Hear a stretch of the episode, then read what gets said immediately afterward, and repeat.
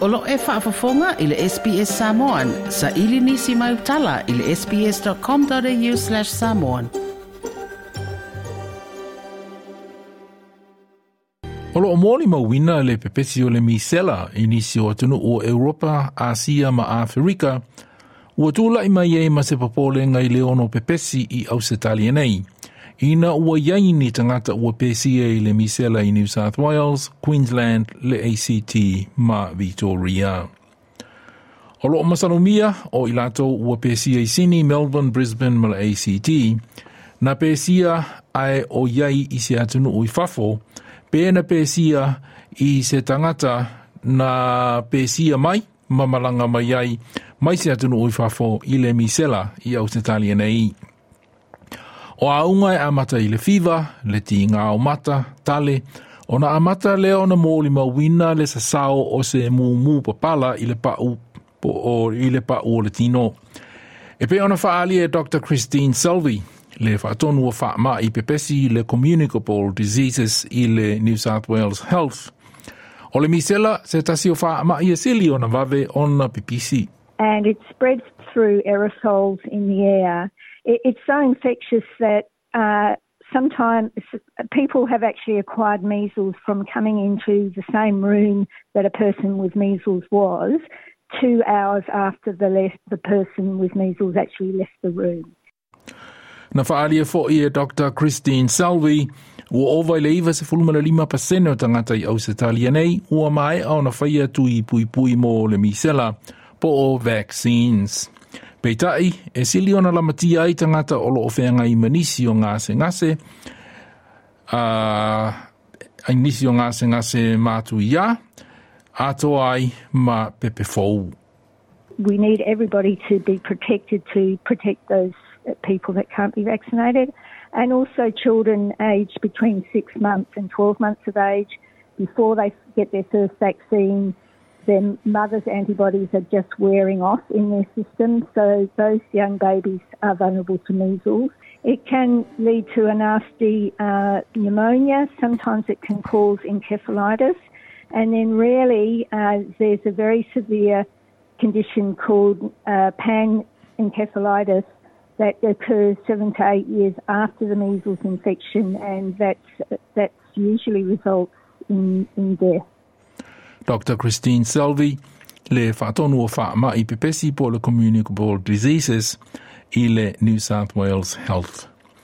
O le whaama i misela lea na pepesi sa moa i le lua afe lua se fuluma le lua, na iloa ai o se tasi o whaafita auli o le māua lalo tele o le tūlanga na iei polo kalame tui pui pui po vaccination programs mo le misela i Samoa. Na whaalia le World Health Organization o le tūlanga lea na mōli mawina i le tele o isi atunu ui le lalolangi e au fia i atunu o Europa i le māua lalo o le au fai o tangata ua whai atu i pui pui. Na o le iwa se lau whaas fuma le tasi tangata na whaamaonia le PCA le amatanga o le tausanga na te i Europa. Ai mai ane le tausanga le se fuluma le lua masina ua ova i le wha se le lua afe na pēsia i le misela. Na saunoa Dr. Catherine Gibney o pepesi i le Doherty Institute ma le le Royal Melbourne Hospital. O le na wha se i tua polokalame tui pui pui o le misela ma isi pepesi e mai le COVID se fuluma le iwa. throughout the world, there are many countries, and particularly those low income countries where the health infrastructure is quite vulnerable, where vaccination rates really fell a lot during COVID. And there are quite a lot of countries where one in three kids have not received any measles vaccine.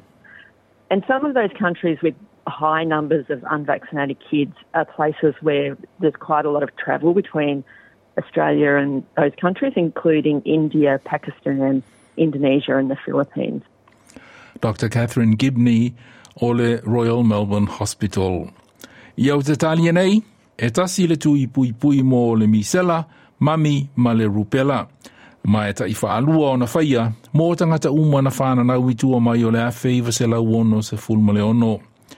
Na whaalia Dr. Gibney, o le aonga o le polo me tui pui pui, Na whaailoa mai ai e le World Health Organization i le lua awhe se fulma le whaa, le leto iai o se au se nei. Meaning that we don't have ongoing transmission. Um, and we've maintained that. We've maintained up to now, although there's a little bit of concern currently, vaccination rates that are high enough um, to be sure that we will continue to be measles free.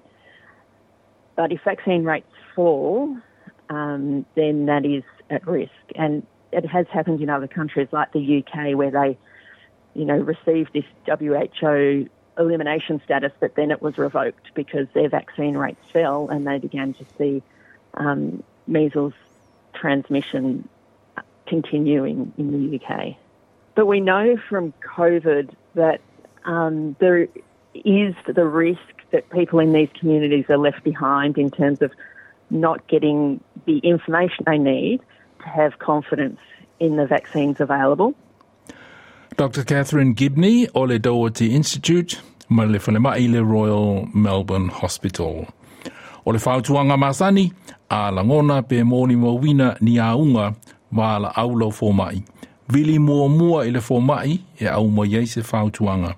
Aua e te alu iei, inene i pe si ai manisi, pe a pe te malanga i awalo whio inga whaitele se pasi po se train po se taxi.